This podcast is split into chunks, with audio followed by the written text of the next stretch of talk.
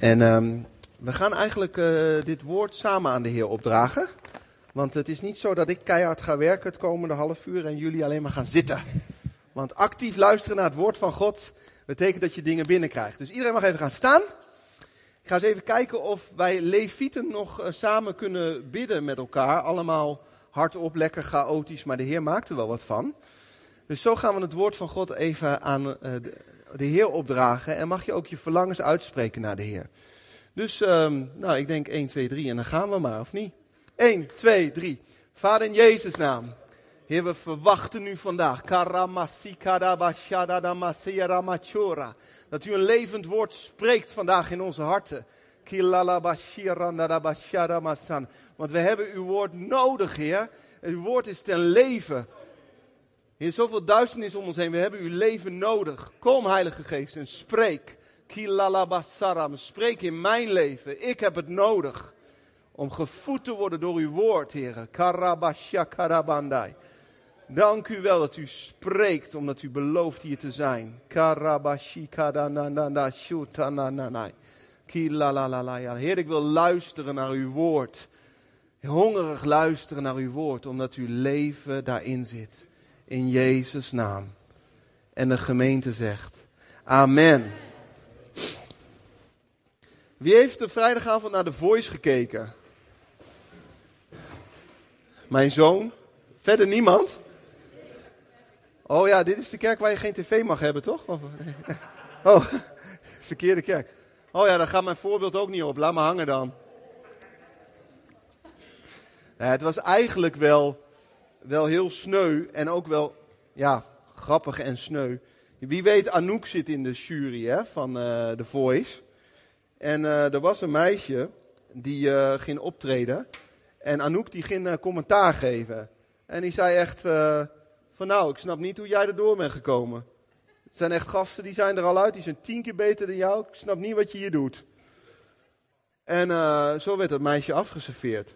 En Anouk zei later tegen Ali van... was, toch, was niet te hard toch?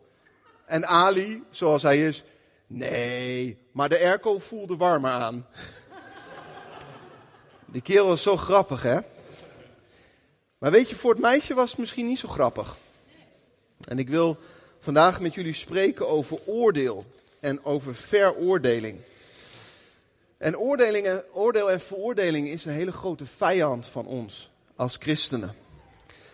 Je kent het misschien allemaal wel in je leven dat je dingen meemaakt en dat je een mening begint te vormen. Je ziet dingen gebeuren en je denkt, oh, dat schiet ook niet op. Jongen, jongen, wat doen ze dat stom zeg.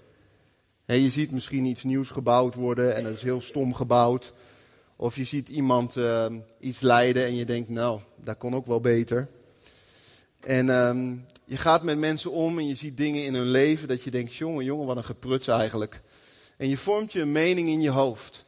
En voor je het weet begin je te spreken en begin je te roddelen en spreek je slecht over dingen. Begin je een cultuur van kritiek om je heen te bewerken over de politiek. Wat doen die gasten nou weer? Hebben ze hun verstand verloren of zo? Misschien de leidinggevende op je werk die je naar beneden spreekt om zijn stomme beslissing. En wat er gebeurt is dat er een, een atmosfeer om je heen komt. Een atmosfeer waar geen leven meer is. Wat gekenmerkt wordt door roddel, waar negatieve kanten belicht worden. Maar Gods glorie over iemands leven niet zoveel meer zichtbaar is, omdat het overschaduwd wordt. Door die dingen die in jouw mening allemaal zo stom zijn. Misschien is er een discussie op Facebook of heb je iets gehoord en denk je, ga, moet even mijn mening over geven. En pleur, het is er alweer uit. Misschien cynisch, als grapje bedoeld, maar toch eigenlijk niet zo leuk. Je ontwikkelt een negatieve denktrand. Je mond is niet gevuld met complimenten, maar met kritiek. Als je zo bezig bent, dan lijk je meer op de tegenstander dan dat je op God lijkt. Je komt helemaal niet tot je doel. Weet je wat het is als wij spreken?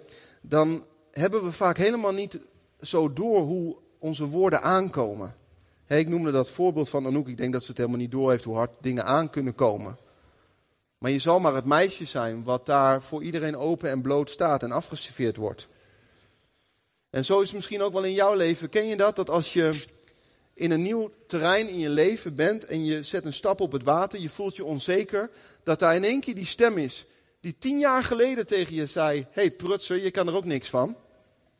Of misschien wel twintig jaar geleden. En die stem hoor je nooit, behalve als je onzeker wordt. En in één keer is die stem er weer. En diegene had het misschien helemaal niet zo bedoeld. Die heeft misschien helemaal de impact van zijn woorden niet begrepen. Maar twintig jaar later sta jij voor een nieuwe kans. En je bent onzeker en je hoort die stem. Het is de stem van de aanklager. Die zegt, je kunt het niet. Jij prutser. Openbaring 12 staat, toen hoorde ik een luide stem in de hemel zeggen, nu zijn de redding, de macht en het koningschap van onze God werkelijkheid geworden. En de heerschappij van zijn Messias. Want de aanklager van onze broeders, die hen dag en nacht bij onze God aanklaagde, is ten val gebracht. Ze hebben hem dankzij het bloed van het lam en dankzij hun getuigenis overwonnen. Wauw. Het bloed van het lam pleit ons vrij. En het getuigenis in onze mond van zijn genade en zijn eeuwigdurende goedheid doet de aanklager smelten, doet hem overwonnen zijn. Alleen niet als je ervoor kiest om te roddelen en kritiek te spreken en negatief te zijn. Want de aanklager zegt: hey, ziet u dat, God? Ziet u dat? Het is weer fout. Wat een prutser. Weer fout. Weer fout, weer fout, weer fout. Heer, hij zegt wel dat hij u dient. Maar kijk eens wat er daar gebeurt. Vanochtend nog. Schijnheilig. Net voor de kerk. Ruzie met zijn vrouw. Prutser. Ziet u wel God? Ziet u wel God? Uw oordeel moet op diegene. Uw oordeel moet op diegene. Want u bent toch rechtvaardig? Dan moet u straffen. Dat is wat de aanklager doet. En als ik dat ook doe, bouw ik het koninkrijk van de aanklager. Heftig. Heb ik wel eens mee te worstelen in mijn leven hoor. En ik denk jullie ook wel. Moet kijken hoe snel je bij elkaar zit en je zit te roddelen. En je denkt, oh, dit gesprek gaat eigenlijk niet de goede kant op. Maar je blijft gewoon doorgaan. Heb je de moed om het te stoppen? Of bouw je het koninkrijk van de aanklager die zegt, zie je wel, zie je wel, zie je wel, heer, u moet eigenlijk oordelen. Dat is wat de aanklager doet. Weet je, je hebt helemaal niet zo door hoeveel impact jouw woorden hebben. Maar het is heel logisch dat jouw woorden zoveel impact hebben, want je bent het evenbeeld van de schepper. Je bent gemaakt in zijn evenbeeld. En als je om je heen kijkt, het woord van God was nogal krachtig. God zegt licht en er was licht. Zie je me nog steeds. Dus als jij in zijn evenbeeld geschapen wordt, dan is het logisch dat jouw woord kracht heeft. Net als dat van hem. Of vergelijk het met het Rema-woord wat God nu nog spreekt. Velen van ons hebben een profetisch woord gehad, wat recht uit de troon van God, bam, je hart in komt. Je lijkt op diegene. Op diegene lijk je. Zo ben je gemaakt. Dus jouw woord doet ertoe. Beide kanten op. Jouw roddel doet ertoe, jouw kritiek doet ertoe. Mensen die ten val zijn gebracht door jouw woorden. Misschien leiders. Misschien mensen die in jouw ogen zwak zijn en eigenlijk al meer hadden moeten kunnen. Weet je, oordeel doet iets met je omgeving. Hoop is besmettelijk. Als je hoop lekt en, en genade lekt, dan is er een fijne omgeving waarin mensen zich gelift voelen in jouw omgeving. Maar kritiek is ook besmettelijk. Begin maar eens een gesprek met roddel. Voor je het weet is de hele kamer besmet. En hou je niet meer op.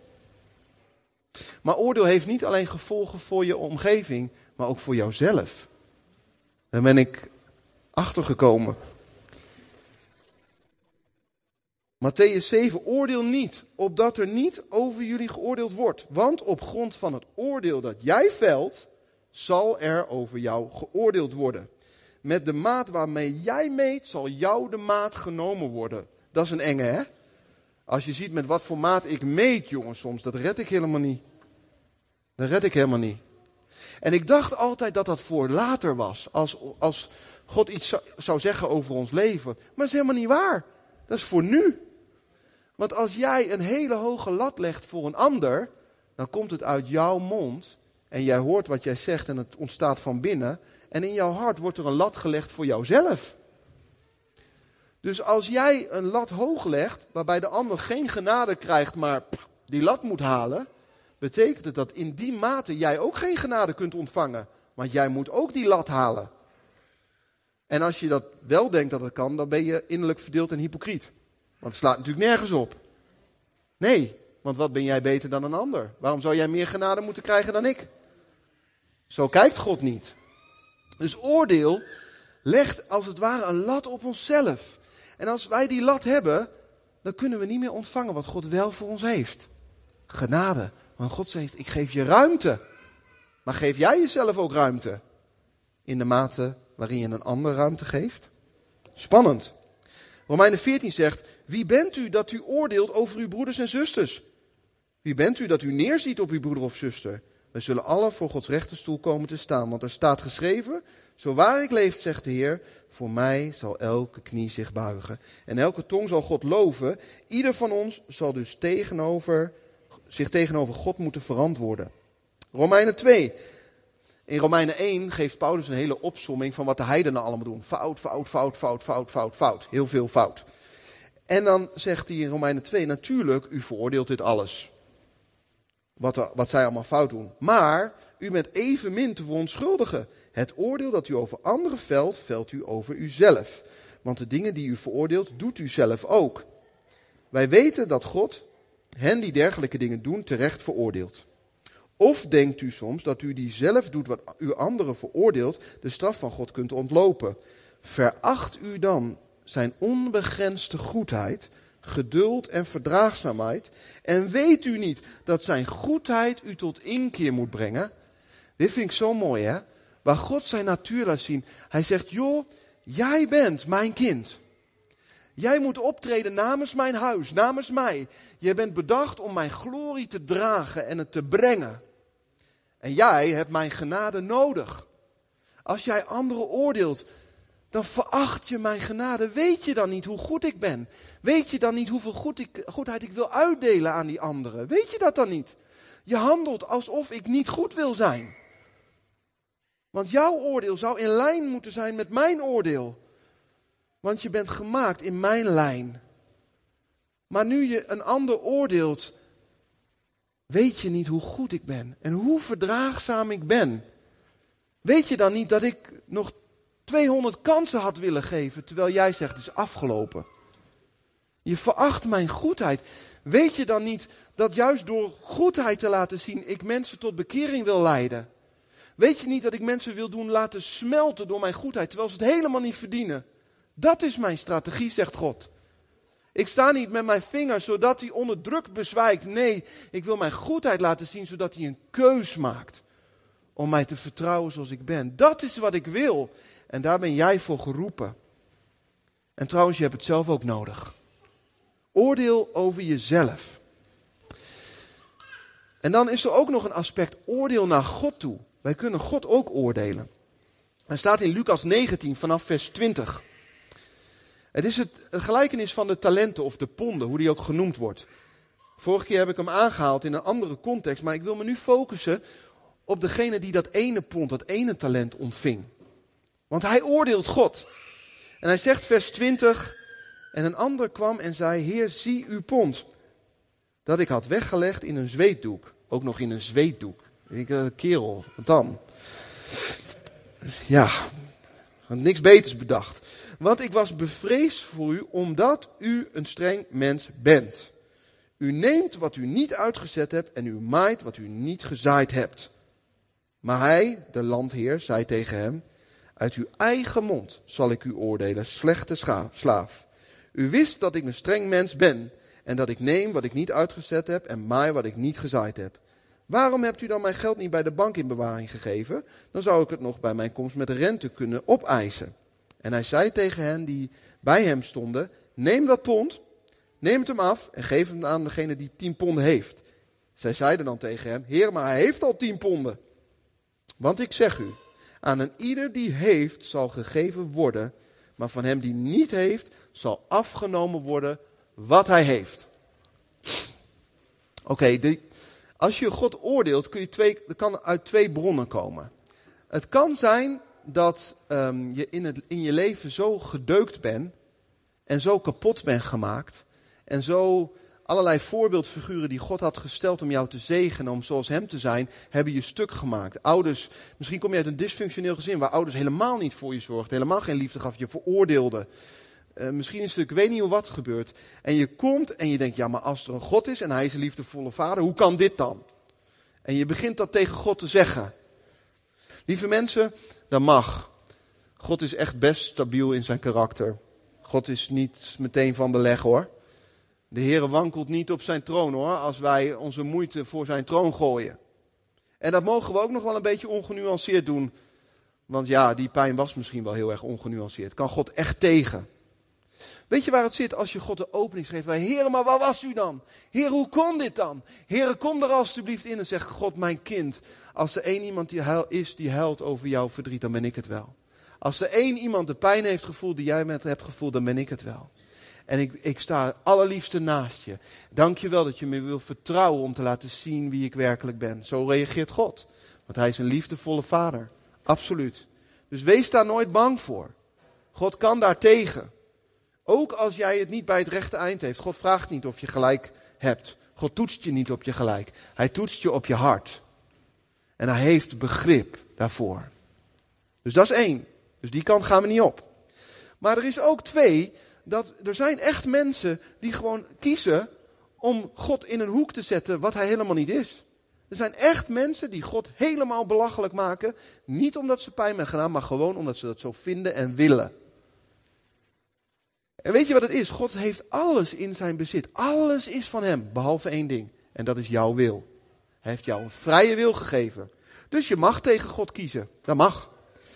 En God zegt, ik heb je zoveel macht gegeven dat je mag kiezen. En wat jij het noemt, zo zal het heten. En hier zegt deze man, nou God, ik weet dat u streng bent. En ik weet dat u onrechtvaardig bent. En ik weet dat u een hebbert bent.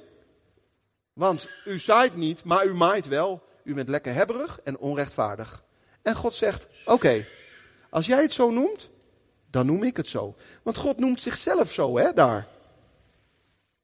U wist dat ik een streng mens ben en dat ik neem wat ik niet uitgezet heb en dat ik maai wat ik gezaaid heb. God herhaalt het gewoon. Net zo makkelijk. Deze man. En je weet hè, God oordeelt naar waarheid hè. Dus deze man verspreekt zich niet, want God die ziet wat in de harten is. Hij oordeelt naar waarheid. Deze man in en in slecht over zijn idee van God. En God zegt gewoon, oké, zo zal het zijn. En dan zegt God uiteindelijk, aan wie heeft wordt toegevoegd en wie niet heeft, zelfs wat hij heeft, raakt hij kwijt. Maar wat heb je dan?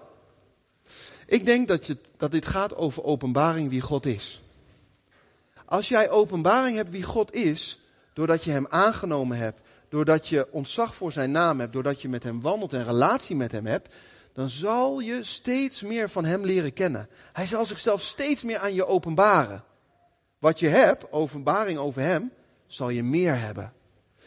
Maar ook aan mensen die God afwijzen, openbaart God zich. En God zegt, als je niet hebt, zelfs dat wat je hebt, zal je afgenomen worden. Want je hart wordt verblind en verhard. En is een gevolg van je keus. Dat is dus een hele gevaarlijke, waar mensen alleen door radicale bekering van kunnen herstellen. Als we gaan kijken naar hoe hoe Jezus een voorbeeld is als het gaat over oordeel, dan kom ik uit in Johannes 8 vanaf vers 1. Gaan we lezen. Jezus ging naar de Olijfberg. De volgende ochtend vroeg, Jezus, vroeg ging Jezus weer naar de tempel. Het hele volk kwam naar hem toe. Jezus ging zitten en gaf uitleg over God. En toen brachten de wetsleraren en fariseeërs een vrouw bij Jezus. Ze had met een andere man geslapen. Ze had niet alleen geslapen. En dat was ontdekt. De wetsleraren en de fariseeën zetten de vrouw in het midden neer. Ze zeiden tegen Jezus, meester, deze vrouw heeft met een andere man geslapen en dat is ontdekt. Volgens de wet van Mozes moet zo'n vrouw gedood worden. Wat is uw oordeel? De wetsleraren en fariseeërs hoopten dat Jezus iets strafbaars zou zeggen. Want dan konden ze hem aanklagen. Maar Jezus boog zich voorover en schreef met zijn vinger in het zand. De wetsleraren en fariseeërs bleven hun vraag herhalen. En je drambekken, hè, die lui. Toen keek Jezus op en zei: Wie van jullie heeft ooit nooit iets verkeerd gedaan? Die moet als eerste een steen naar de vrouw gooien. Daarna boog Jezus zich opnieuw voorover en schreef weer met zijn vinger in het zand. Toen liepen de mensen één voor één weg, de leiders van het volk als eerste. Jezus bleef alleen achter met de vrouw die bij hem gebracht was. Hij kwam overeind en zei tegen haar: Waar is iedereen gebleven? Heeft niemand je veroordeeld? De vrouw zei: Nee, heer, niemand. Toen zei Jezus de legendarische woorden: Ik veroordeel je ook niet. Ga naar huis en doe vanaf nu geen verkeerde dingen meer. Een paar dingen die ik met jullie eruit wil halen. Zie je dat Jezus helemaal niet onder de indruk is van een lat die bij hem gelegd wordt? Die wetsdienleraar die vinden zichzelf best wel wat. Hè? Die staan, uh, zeg, uh, wat vind jij ervan? En ze blijven dat halen. Hè? Dus ze voeren de druk flink op. En wat doet Jezus? Huh, zei iemand wat? Hij, het, het, interesseert hem niks, lijkt wel. Hij is, maar ja, hij is niet, hoe zeg je dat? Hij is niet onverschillig, maar hij laat zich niet pakken. Het tweede ding zie ik ook, Jezus wordt geconfronteerd met zonde. Bam. Nou, ik weet niet hoe het jou vergaat als je met zonde geconfronteerd wordt, maar wij worden best wel ongemakkelijk vaak. Ja, dat klopt niet. Dat moet, moet goed, moet anders.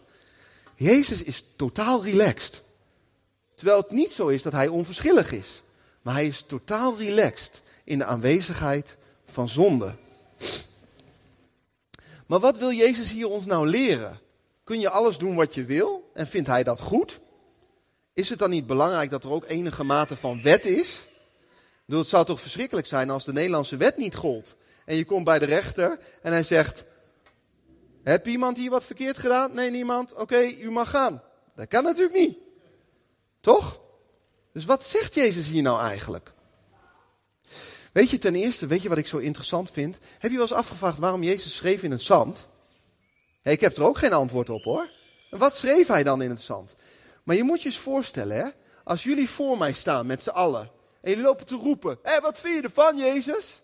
En die vrouw, je ziet vaak die plaatjes, hè? die vrouw, dan komen ze aan met die vrouw, en smijten ze die vrouw op de grond. Van, ze hebben het fout gedaan.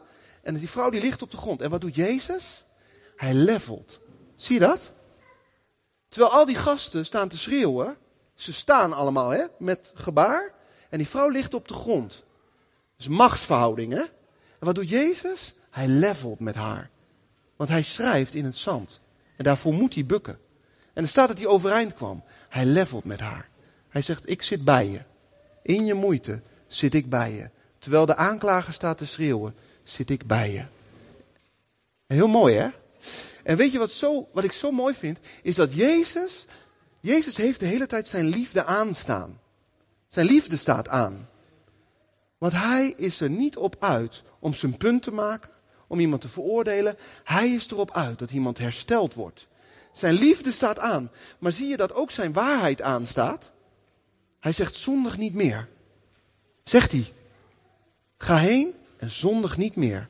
Dus hij, die vrouw heeft gezondigd. Jezus daar duidelijk over. En hij zegt ook dat het niet nog een keer moet gebeuren. Maar hij heeft zijn liefde aanstaan. Geweldig, hè? En dat is ook de sleutel als we vandaag een paar dingen leren. Je liefde aan en je waarheid aan. Dat kan tegelijk. Even kijken, waar zijn we? Hoe oordeelt God dan? Hoe oordeelt God? God oordeelt traag. God is snel om goed te doen en traag om te oordelen. En God oordeelt rechtvaardig. En hij oordeelt naar waarheid. In 2 Petrus 3 staat, en dat is, een, dat is de context, is de wederkomst. Mensen willen dat God terugkomt, maar dan gaat hij ook oordelen. En dan, dan zegt hij, de Heer is niet traag met het nakomen van zijn belofte zoals sommigen denken. Hij heeft alleen geduld met u. Omdat hij wil dat iedereen tot inkeer komt en niemand verloren gaat.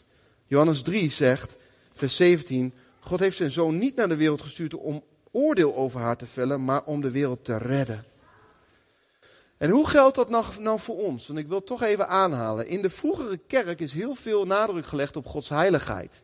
En de vrezen des Heren, ontzag voor God. En daarom waren er heel veel mensen die niet zeker waren van hun behoud. Die dachten, och, mocht het toch ooit wellicht misschien eens zijn dat ik wellicht bij God toegelaten zou kunnen worden. Maar dat hoeft niet. Want God geeft ons zekerheid van ons geloof. Heel duidelijk. Romeinen 8, vers 8. Wie in Christus Jezus zijn, worden niet meer veroordeeld. De wet van de geest die in Christus Jezus leven brengt, heeft u bevrijd van de wet van de zonde en de dood. 2 Korinthe 5, 21. God heeft hem, Jezus, die de zonde niet kende, voor ons één gemaakt met de zonde, zodat wij rechtvaardig voor God kunnen staan. Kan gewoon. En Johannes 1, beleiden wij onze zonde, dan zal hij, die trouw en rechtvaardig is, onze zonde vergeven en reinigen van alle kwaad. Psalm 103, barmhartig en genadig is de Heer, geduldig en rijk aan goede tierenheid. Hij zal niet voor altijd ter verantwoording roepen, niet voor eeuwig handhaaft hij zijn toorn. Hij doet ons niet naar onze zonde en vergeldt ons niet naar onze gerechtigheden. Want zo hoog de hemel is boven de aarde, zo is zijn goede tierenheid machtig over wie hem vrezen. Zover het oosten is van het westen, zo ver heeft hij onze overtredingen van ons gedaan. Zoals een vader zich ontfermt over zijn kinderen, zo ontfermt de Heer zich over wie hem vrezen. Ja? Dus we kunnen absoluut zeker zijn van onze redding als wij God vrezen, als we onze zonde beleiden en als we in Jezus Christus zijn.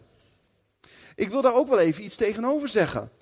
Want we hebben een geweldige openbaring van Gods genade gekregen. Maar sommige mensen gaan daar super makkelijk mee om. Die leven alsof Jezus in hun broekzak zit. Ja, ik hoor ook bij Jezus. Af en toe haal ik hem eruit. En voor de rest doe ik wat ik zelf wil. Pas op, lieve mensen. Dat is niet de waarheid. Want dan, heb, dan heers jij over Jezus. Terwijl ik denk dat de verhoudingen andersom zijn. Hij is God en wij zijn mens. Hij is de Heer en wij zijn de dienaren.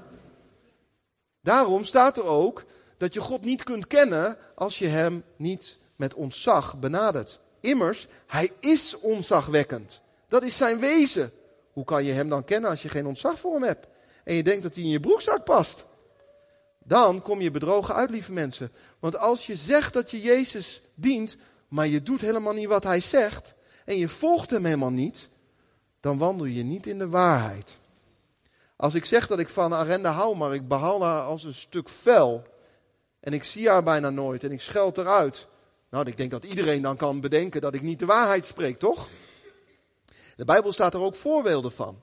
In Lucas 7 dacht ik, staat er dat mensen wonderen en teken kunnen doen in de naam van de Heer. En de Heer zegt, joh, maar ik heb jou nooit gekend.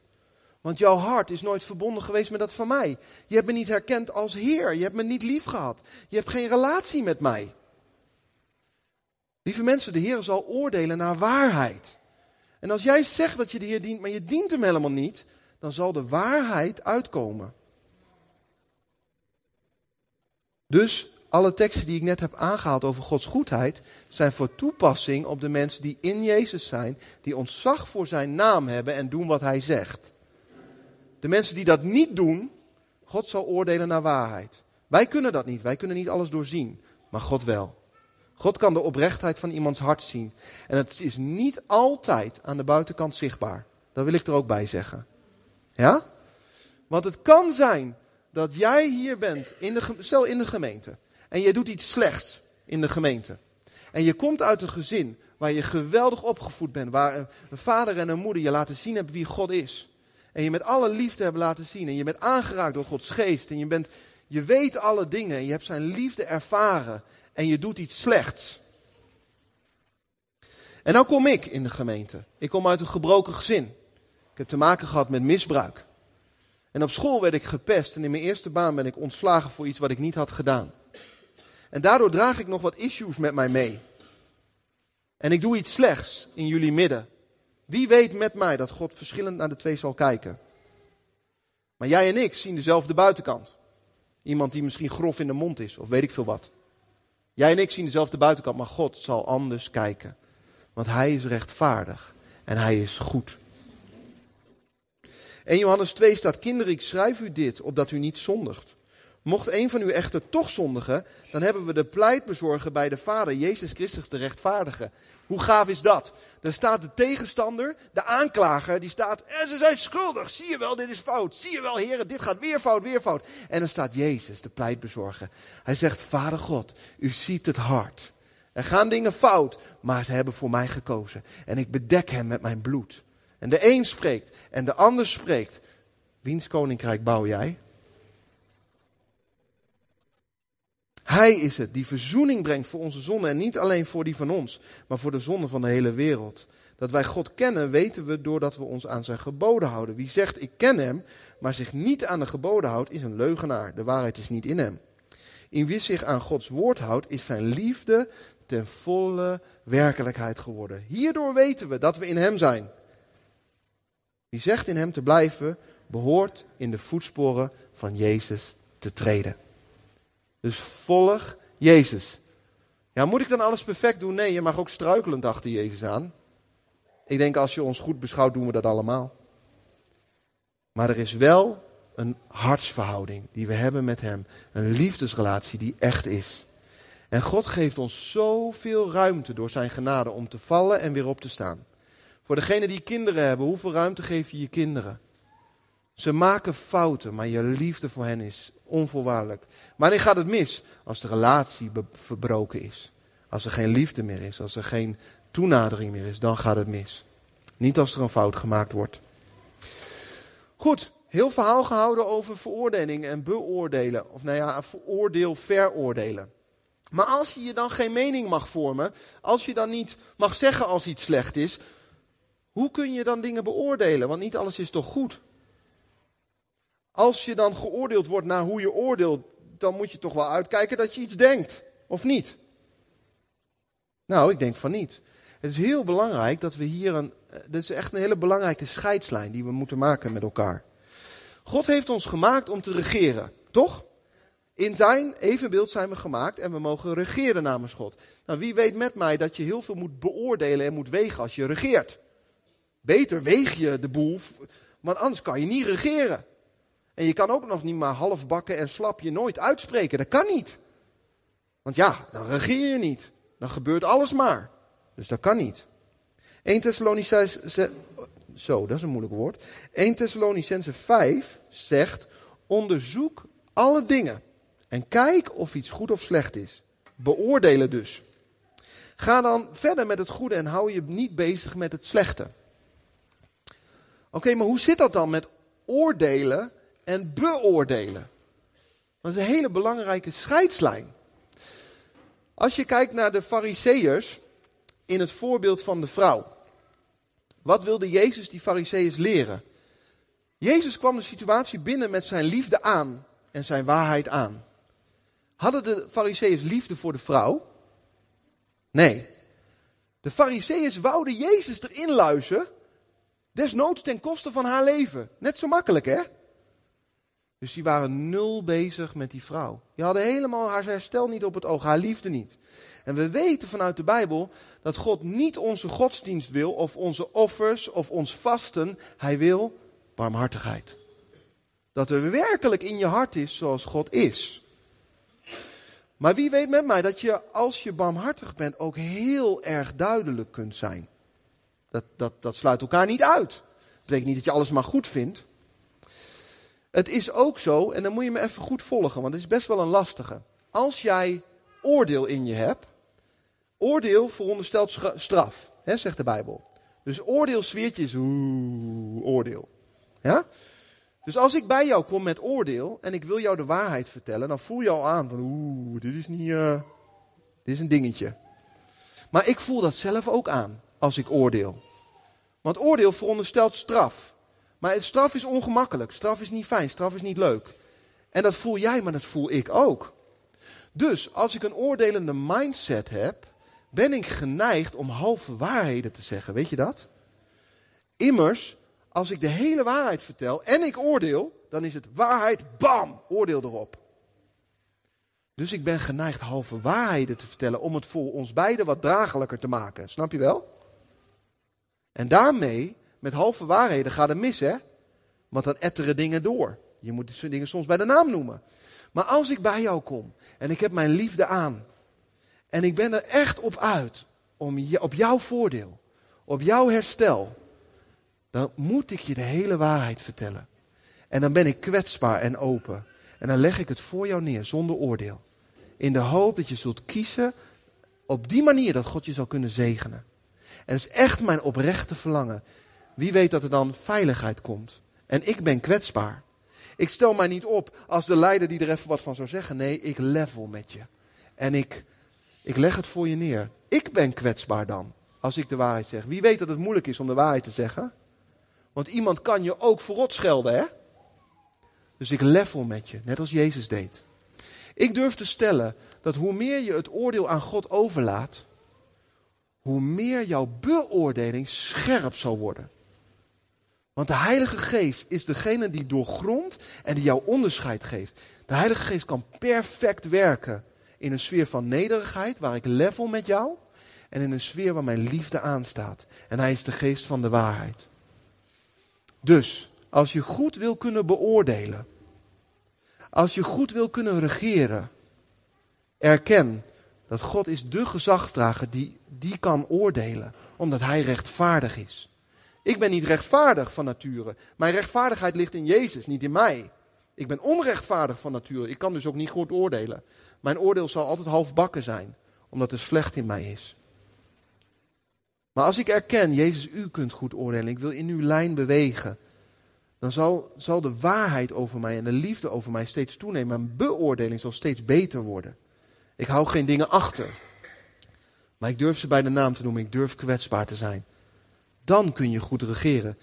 Wie weet dat je zulk soort mensen wil je je wel aan onderwerpen als het gaat over gezag of regeren, snap je? Mensen die levelen met jou en jou lief hebben en jou alleen maar willen liften. Joh, je wil niet liever dan zo iemand hebben. Maar mensen die op je neerkijken en die jou veroordelen, die wil je niet hebben als leiders. Want daar groei je niet van. En daarom is het heel, want wij zijn allemaal leiders, hè? Wij zijn allemaal mensen die regeren. Dat is een les voor ons. Je ziet ook, de leiders dropen af. Want Jezus zet ze gewoon te kakken als ze niet. Ja, dat doet hij gewoon. Net zo makkelijk. We denken altijd aan zo'n lieve Jezus, hè? maar hij had er gewoon maling aan hoor. Die gasten die dropen gewoon af. Goed. De toets voor ons leven vandaag. Ik heb aardig wat dingen genoemd. Is er roddel in jouw leven? Als ik jouw Facebook geschiedenis check, is niet aan mij trouwens hoor. Als de Heer die zou checken, hoe ziet hij eruit? Maakt hij dingen belachelijk? Of bouwt hij op? Jouw woorden naar mensen. Bedenk, twintig jaar later kunnen ze nog naar voren komen. Oeh, wat een gewicht joh. Helemaal voor iemand als ik met veel woorden. Oh, echt niet alle percentage is goed hoor. Hier zit mijn zoon, die zit te lachen jongen. Oh, die herkent zijn papa. Gewichtig. Ik denk dat het ook een oproep is, hè, dat als we weten dat we eens een keer een scherp woord gesproken hebben, dat gewoon naartoe te gaan van, joh, hé, hey, ik herinner me. Dat is zo mooi, hè? Dat heeft de Heer wel eens bij mij gedaan. Ik kan best duidelijk zijn soms en dat kan ook wel eens verkeerd overkomen. Maar de Heer heeft mij wel eens in herinnering gebracht. Weet je dat je toen dat en dat tegen diegene hebt gezegd? Ga er naartoe.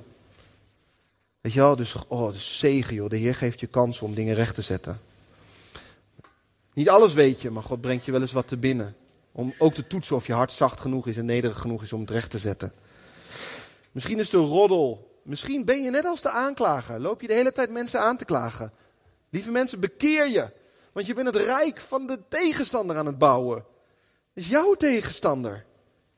En je maakt niet alleen anderen kapot, maar ook jezelf. Want hoe jij oordeelt, zul je geoordeeld worden. Heftig, joh. Bekeer je daarvan. Zeg ik ook tegen mezelf. Maar er zijn misschien ook gedachten die jou veroordelen. Die twintig jaar geleden dat iemand wat zei tegen hem. Ik denk dat het echt goed is dat we vandaag vergeving vragen namens diegene aan jou. Van joh, vergeef alsjeblieft wat er gesproken is. En laat Gods woord weer toe. En het is goed dat we bidden vandaag dat God in die herinnering komt en zijn goedheid laat zien. In plaats van die vernietigende woorden die maar terug blijven komen en terug blijven komen. Dus zo etterig, ze komen altijd terug als jij net onzeker bent. Verschrikkelijk. Zit je al in de put, bam, er nog één overheen. Maar God wil die dingen veranderen. Want dat is niet wat hij zegt. Hij zegt, ik ben in en in goed. Ik ben in en in goed voor jou. En ik heb geduld met je. Misschien heb je schuldgevoelens. Misschien merk je, ik heb wel gezegd dat, dat ik Jezus volg, maar eigenlijk heb ik hem in mijn broekzak. Bekeer je, want God zal echt naar waarheid oordelen. Hij zal naar waarheid oordelen. En als het zo is dat jij Jezus in je broekzak hebt, dan moet je ervan bekeren, want het is niet de waarheid. Dat klopt niet. Jezus is de koning der koningen en hij zal blijken dat hij zo is. En je wilt niet dat jij dan denkt, oh, ik dacht dat hij in mijn broekzak zat. Dat wil je niet. Dat is je omkeren naar hem toe en hem echt gaan dienen. In waarheid. En misschien spreekt die stem nog steeds naar jou toe. Ben je wel gered? Terwijl je dagelijks met de Heer wandelt. Terwijl je gewoon een relatie met Hem hebt. Terwijl je gewoon gered bent. Dan wil God je ook vandaag laten merken dat je gered bent. God wil redden, verlossen, je op koers zetten. Je de volle rijkdom geven van een kind van Hem. Maar ook de rijkdom om jou heen. Dat je een beelddrager zult zijn van Hem. De glorie van God zult uitdelen. Genade zult uitdelen. Je mag best weten, het is een uitdaging voor mij. Ik kan het helemaal niet alleen. Maar hoe meer, weet je, het werkt twee kanten op. Je moet Gods liefde ervaren om het te kunnen uitdelen. Maar het werkt ook andersom. Je moet beginnen met uitdelen om weer te kunnen ontvangen. Dat is ook een keus. Het zijn twee kanten. Jezus is de initiator, maar jij hebt ook initiërende kracht. Jij kan ook ergens mee beginnen. En dat begint door je heen te stromen. En je merkt, je, je begint genade te geven aan anderen. En met dat je genade aan anderen geeft, geef je genade aan jezelf. En oh, wat heb ik dat nodig. Om genade te ervaren. Dat niet het gewicht van mijn keuze zo zwaar is dat er gelijk een oordeel op zit. Maar dat God zegt, weet je, ik geef je ruimte. Ik hou sowieso van je. Met ontzag voor God, met genade van God, zal je beoordelingsvermogen goed zijn om dingen te kunnen inschatten. Om te kunnen regeren zoals God je gemaakt heeft. Amen. Ik geef het terug aan jou, mijn lieve vrouw.